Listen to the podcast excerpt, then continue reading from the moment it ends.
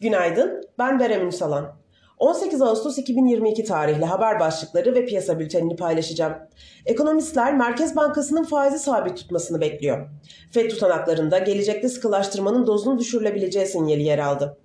Goldman Sachs ve Nomura Çin büyüme tahminlerini düşürdü. Erdoğan Ukrayna ziyaretinde Zelenski ve Guterres ile görüşecek. ABD tahvillerine FED sonrası alım gelirken Asya hisseleri kötücün görünümü sebebiyle düşüyor.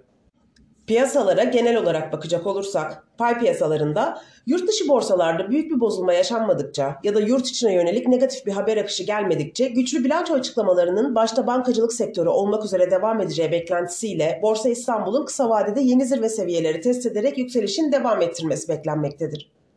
Ancak son dönemde güçlü yükseliş gerçekleştiren Borsa İstanbul'da bu hafta bilanço döneminin sona erecek olması nedeniyle kısa süreli kar satışları yaşanma riskinin yükseldiğini düşünüyoruz.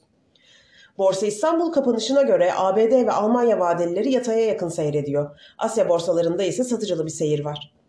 Teknik analiz verilerine bakacak olursak gün içinde 2962 ve altına gerileme trade amaçlı alım fırsatı, 3045 ve üzerinde kısmen düşük hacimli yükselişler ise trade amaçlı kar satış fırsatı olarak takip edilebilir.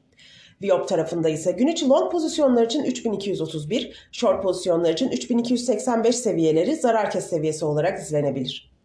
Borsa İstanbul'un ve endeks kontratının güne pozitif bir eğilimle başlamasını bekliyoruz. Kazançlı günler dileriz.